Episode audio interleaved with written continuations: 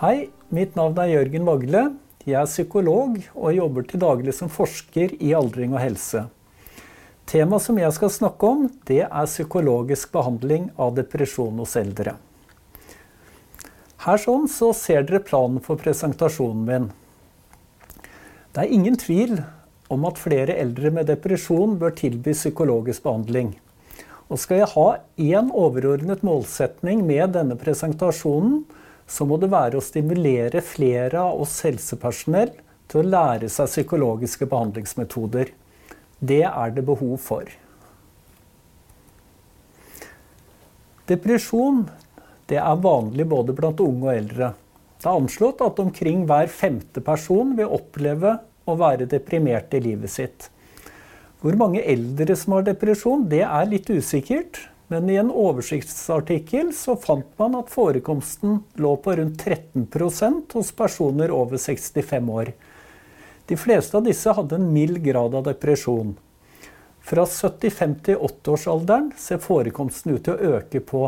Og for eldre som oppfyller kriteriene for å være skrøpelige, så har nesten fire av ti depresjon eller betydelige depressive plager. Og det er all grunn til å ta depresjon hos eldre på alvor. Ikke bare så reduserer den personens livskvalitet, men ubehandlet depresjon kan ha flere negative helseeffekter. Bl.a. raskere funksjonsfall, kognitiv svikt, økt bruk av helsetjenester og høyere dødelighet, inklusive selvmord. Fortsatt så er det jo slik at mange eldre personer med depresjon ikke fanges opp og tilbys behandling. Man kan undres på hvorfor. Det er mange myter knyttet til depresjon hos eldre. Bl.a. at depresjon er en normal del av det å bli gammel. Vi har kanskje hørt uttalelser som 'Det er ikke rart at hun er nedfor'. Interesseløs og uopplagt. Hun er jo så gammel og skrøpelig. Og så er det holdningen om at det ikke er noe å gjøre noe med. Den kan vi nok finne både hos personen selv, hos pårørende, men også blant oss helse- og omsorgspersonell. Det er lett å bli litt passiv og negativ i møte med den deprimerte eldre. Og til slutt så er det holdningen om at eldre ikke ønsker behandling. I hvert fall ikke psykologisk behandling. Men stemmer alt dette? For å ta det siste først. Eldre ønsker ikke samtalebehandling. Hva er realiteten? I 2016 ble det foretatt en litt interessant undersøkelse. Som del av TSN Gallups helsepolitiske barometer ble et befolkningsrepresentativt utvalg på over 1700 personer spurt spørsmålet Dersom du skulle bli deprimert eller få angst, hvordan ville du foretrekke å bli behandlet? Her svarte mer enn to av tre personer at de ville foretrekke samtaleterapi. Kun et mindretall ville ønske legemidler. Og I vår sammenheng så er det jo særlig interessant å notere hva de eldre ønsker. I gruppen 75 år pluss så svarte hele tre av fire personer at de ville ønske samtaleterapi. Ja, det var faktisk den aldersgruppen som ønsket samtaleterapi mest. Selv om dette bare er én undersøkelse, er det funnet lignende resultater i utenlandske studier. Man vet at motivasjon er en helt sentral faktor for et vellykket behandlingsresultat ved samtalebehandling. I så måte så er altså utgangspunktet godt for eldre. Det neste spørsmålet det blir da psykologisk behandling av depresjon hos eldre. Har det noen hensikt? Den sikreste kilden for å finne ut av det, det er å gå til systematiske oversiktsartikler som undersøker evidensen på tvers av alle publiserte forskningsartikler innen området. De senere årene er det kommet flere slike. Og oppsummert så tyder forskningen på at den psykologiske behandlingen den har en moderat til sterk effekt. Men hva innebærer egentlig en moderat til sterk effekt? I den ene oversiktsartikkelen så har forskerne beregnet at minst tre pasienter må behandles for at én pasient skal bli frisk fra depresjon. Det er gjerne det som omtales som 'number needed to treat'. Tallet fremkommer når man sammenligner gruppen som får psykologisk behandling, med personer som står på venteliste til behandling. Når man sammenligner med personer som får standardbehandling, så blir number needed to treat høyere, altså effekten noe dårligere. Men det er ikke spesielt for eldre med depresjon. Det samme gjelder for yngre og middelaldrende. Og hvordan er egentlig effekten av psykologisk behandling til eldre deprimerte sammenlignet med andre aldersgrupper? Ifølge en relativt ny systematisk oversiktsartikkel ser effekten ut til å være mye av den samme som for middelaldrende mennesker, og trolig bedre enn for barn og ungdom med depresjon. Det gjelder både når man ser på de eldre voksne, altså de som er definert som 55 75 år, og de eldste eldre, altså de eldre enn 75 år. Dette er tankevekkende, syns jeg. Av psykologiske behandlingsformer så er effekten best dokumentert for kognitiv atferdsterapi og problemløsningsterapi. Og den omfatter både individuell og gruppebehandling. Varighet på behandlingene de ligger stort sett på mellom 6 og 18 timer. Men et lite varsko til dette som jeg har snakket om nå. Vi må være forsiktige med å generalisere resultatene til å gjelde alle grupper av eldre. Spesielt svakt evidensgrunnlag er det for de aller eldste over 80 år med somatisk sykdom og funksjonssvekkelse, og eldre med kognitiv svikt og demens. Dette skyldes at disse gruppene gjerne har vært utelukket fra større forskningsstudier. Hva vet vi egentlig om disse gruppene? Ganske lite, egentlig. Men noe vet vi om deprimerte personer med demens, og resultatene de er kanskje ikke så veldig oppløftende. En Cochrane-oversiktsartikkel fra 2014 viste at det kun var seks små studier som hadde undersøkt effekten av psykologisk behandling på denne gruppen. Studien omfattet ulike psykologiske behandlinger, bl.a. forenklet kognitiv atferdsterapi, problemløsningsterapi, interpersonlig terapi og psykoedukasjon med støttesamtaler. Varigheten på terapiene varierte fra seks uker opp til et år. Og selv om deltakerne viste en reduksjon i depressive symptomer over behandlingsperioden, så ble den samlede effekten funnet å være ganske så liten. Det er imidlertid interessant å notere at det var stor forskjell i resultatet mellom studiene. Den ene studien, som viste best resultat, den brukte en enkel form for kognitiv atferdsterapi ukentlig over ti sesjoner. Men de fulgte opp med støttesamtaler over telefon mellom timene for å svare på spørsmål og motivere deltakeren til å gjennomføre hjemmeoppgaver. Og I tillegg så involverte de pårørende, som ble bedt om å oppmuntre pasientene til å bruke strategiene fra terapitimen i hverdagslivet og følge aktivt opp at hjemmeoppgaver ble gjort. For denne pasientgruppen så er nok involvering av pårørende når dette er mulig, en viktig faktor for å lykkes. Som vi ser så er dette et område som det er lite forsket på, og det er behov for mer kunnskap. Vi skal huske på at Personer med demens er en svært heterogen gruppe. Man skal være forsiktig med å ekskludere deprimerte personer som er motiverte for samtaleterapi pga. at de har en demensdiagnose. Det bør alltid gjøres en individuell vurdering. Forskerne bak Cochrane-artikkelen fått ingen randomiserte, kontrollerte studier som har undersøkt effekten av psykologisk behandling ved depresjon hos eldre med mild kognitiv svikt. Men her vil jeg gjerne knytte til en kommentar. Kognitiv svikt i form av konsentrasjons-, hukommelses- og eksekutive vansker det er svært vanlig hos deprimerte mennesker. Og mange av disse vil oppfylle kriteriene for mild kognitiv svikt, som kan reverseres gjennom god behandling. Så mild kognitiv svikt må også etter min oppfatning heller ikke være en årsak til at man unngår å tilby psykologisk behandling.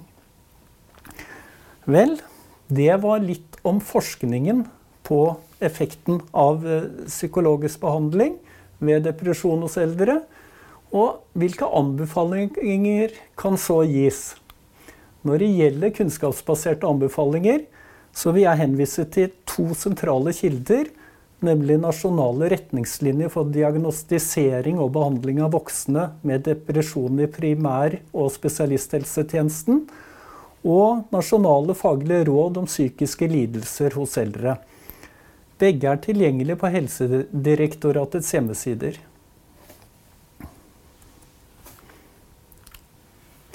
Her ser vi anbefalingene som gis i depresjonsretningslinjen. Som vi ser, så bør psykologisk behandling i mange tilfeller utgjøre en sentral del i depresjonsbehandlingen. Retningslinjen skiller mellom depresjon av mild til moderat grad og depresjon av moderat til alvorlig grad.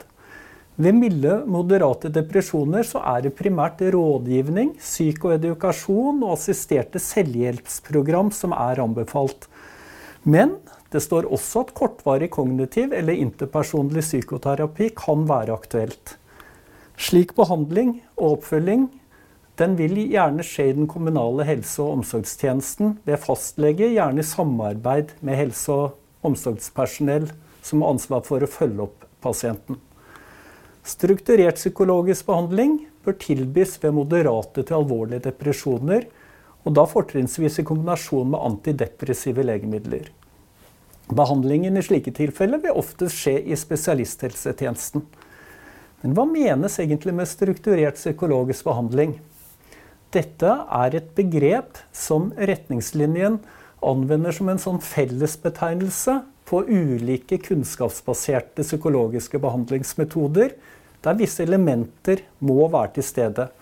Det er bl.a. at terapeuten er aktiv og støttende. Det skal gis informasjon om depresjon og hvordan den kan forstås og mestres. At behandlingen skal er strukturert og målrettet mot pasientens aktuelle problemer. Det skal være sånn at pasienten lærer spesifikke metoder for å mestre sine problemer, og som gjør det mulig å anvende disse også etter at behandlingen er avsluttet.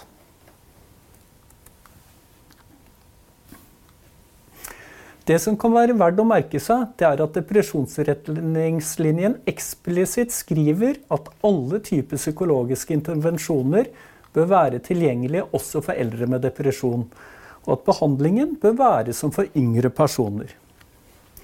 Det står også at behandlingen skal individualiseres, hvilket innebærer at både personens ønsker om typebehandling vektlegges, og at behandlingen tilpasses persons funksjonsnivå.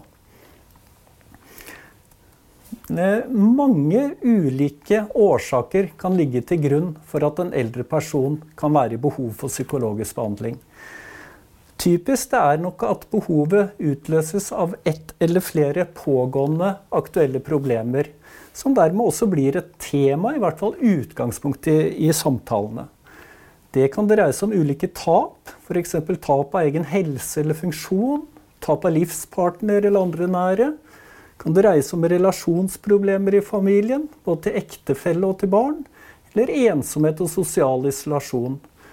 Så er det også en del som oppsøker hjelp fordi de sliter med tidligere traumer eller konflikter som de har dratt med seg gjennom livet og ønsker å bearbeide. Selv kommer jeg aldri til å glemme den alvorlig deprimerte mannen i midten av 80-åra som banket på døren min og ønsket hjelp for problematikk rundt sin kjønnsidentitet. En problematikk som han hadde levd med hele livet, men aldri snakket åpent om til noen. Nå var altså tiden kommet. Poenget er at vi må være åpne for at det kan være svært ulike årsaker til at eldre er i behov for hjelp for depressive plager. Så hvilke psykologiske behandlingsformer er aktuelle?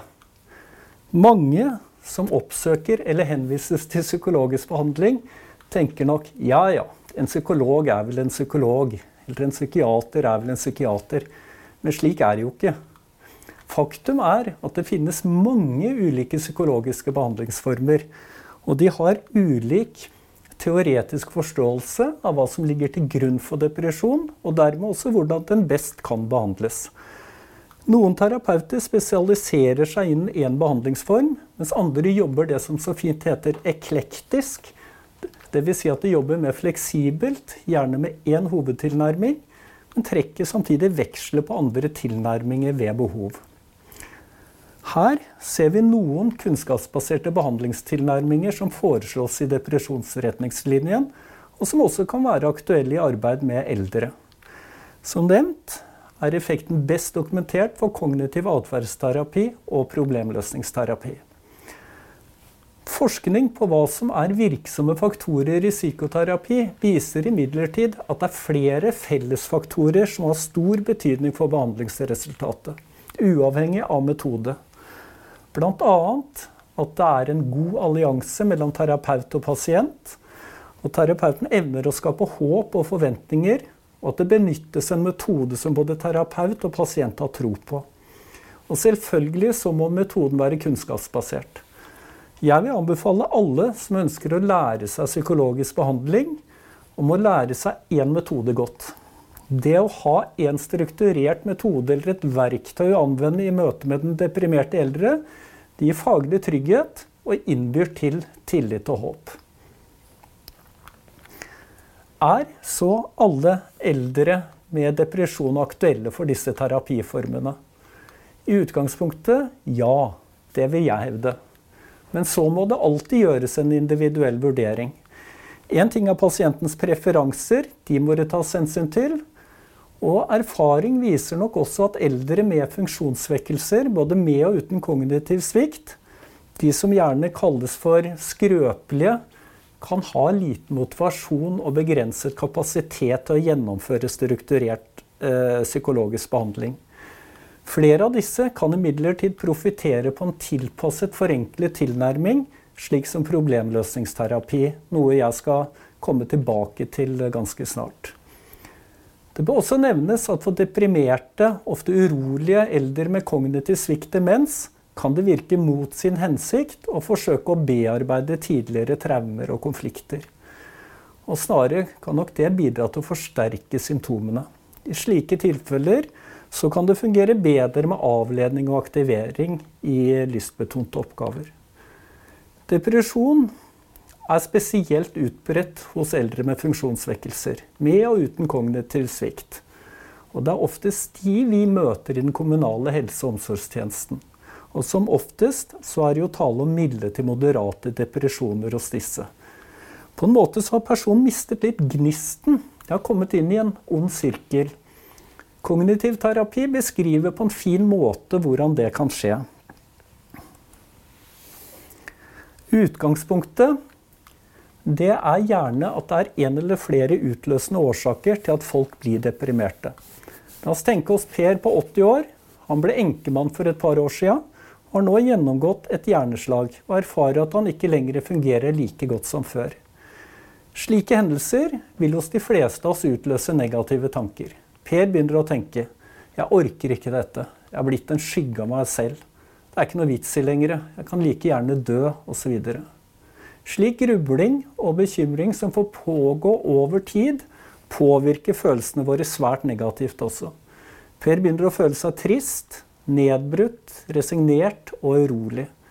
Dvs. Si selvfølelsen eller selvbildet til Per påvirkes. Han utvikler fysiske symptomer, søvnen blir dårlig, han føler seg sliten og trett på dagtid. Appetitten er også så som så med, og konsentrasjonen er ikke som før. Som en konsekvens så orker P mindre og mindre. Han reagerer med å trekke seg tilbake, droppe golfrundene og bridgen. Og begynner å isolere seg fra venner og familie. Det blir ikke så viktig å spise riktig lenger heller, eller å ta le legemidler regelmessig. Men alkoholen er kanskje blitt en trøst nå. Per har også kommet inn i depresjonens onde sirkel. Og som vi ser, så blir denne sirkelen selvforsterkende og bidrar til at de depressive tankene og følelsene og den destruktive atferden får anledning til å utvikle seg over tid. I kognitiv atferdsterapi jobber man nettopp aktivt med å bryte slike negative tanke- og handlingsmønstre.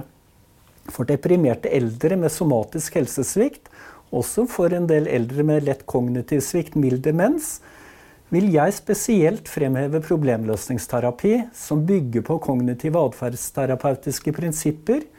Ja, Kall det gjerne en sånn kognitiv atferdsterapi light. La oss se litt nærmere på den.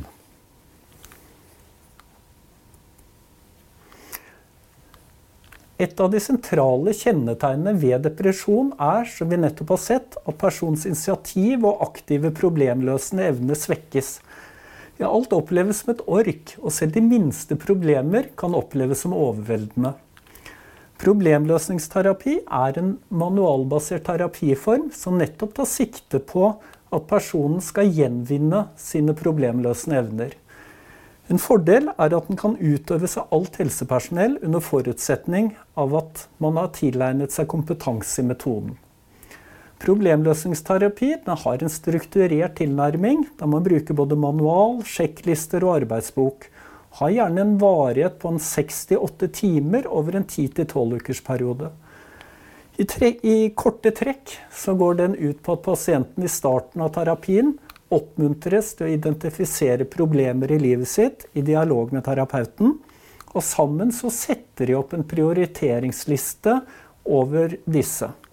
Problemene kan gjelde på mange livsområder, f.eks. ensomhet, fysisk inaktivitet, ernæring, økonomi, relasjonelle vansker og mye mer. Og personen velger seg så ut et problem på prioriteringslisten som det skal jobbes med. Fortrinnsvis da et problem som det er realistisk å kunne løse.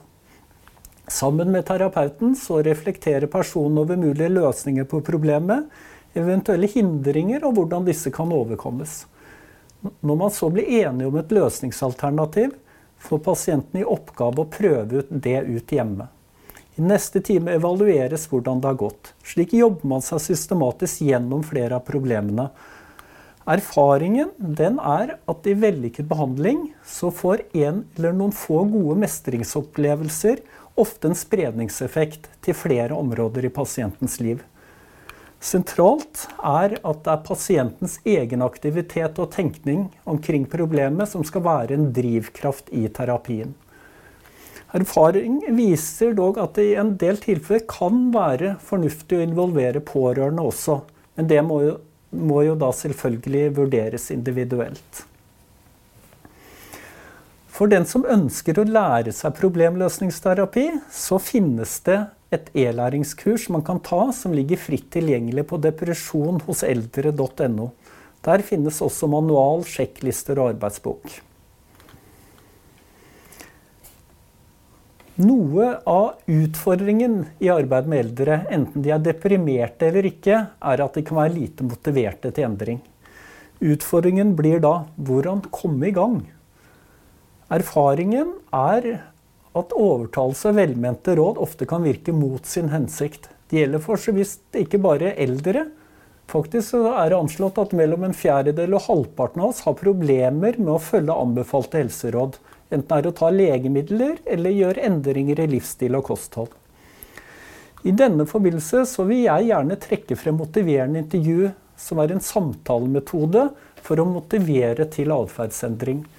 En grunntanke i denne tilnærmingen det er at motivasjon må komme innenfra. Den kan ikke pådyttes, verken fra oss helsepersonell eller fra pårørende.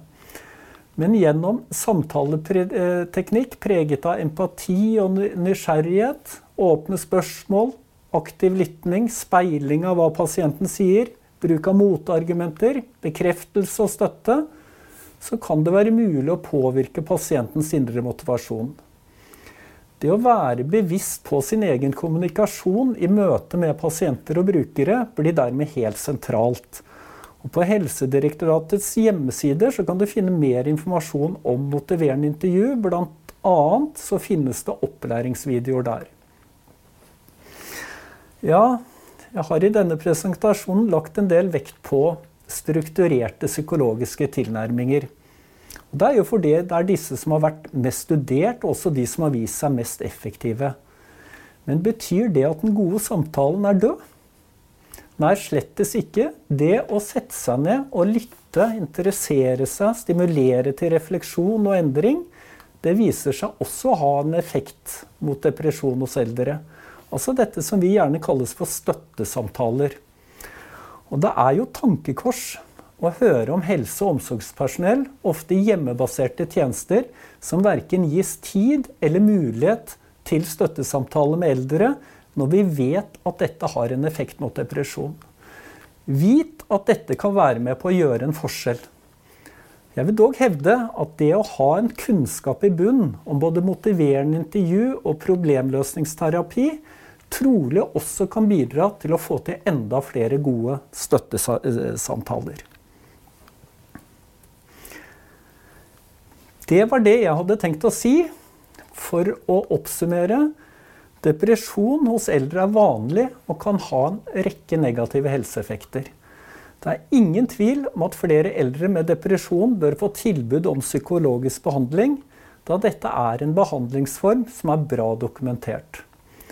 En utfordring er jo imidlertid at tilbudet er altfor lite. Derfor er det jo å håpe at flere helsepersonell tilegner seg kompetanse i psykologisk behandling, og da kan problemløsningsterapi være et godt alternativ. Og til slutt, for de av dere som tenker at depresjon hos eldre er noe dere vil lære mer om, så kan jeg anbefale en kjempefin nettside som er utarbeidet av Aldring og helse og Sykehuset Innlandet i samarbeid, som heter depresjonhoseldre.no. Der vil du finne det meste av det du trenger å vite om depresjon hos eldre, og hva du kan gjøre for å hjelpe. Lykke til, og takk for oppmerksomheten.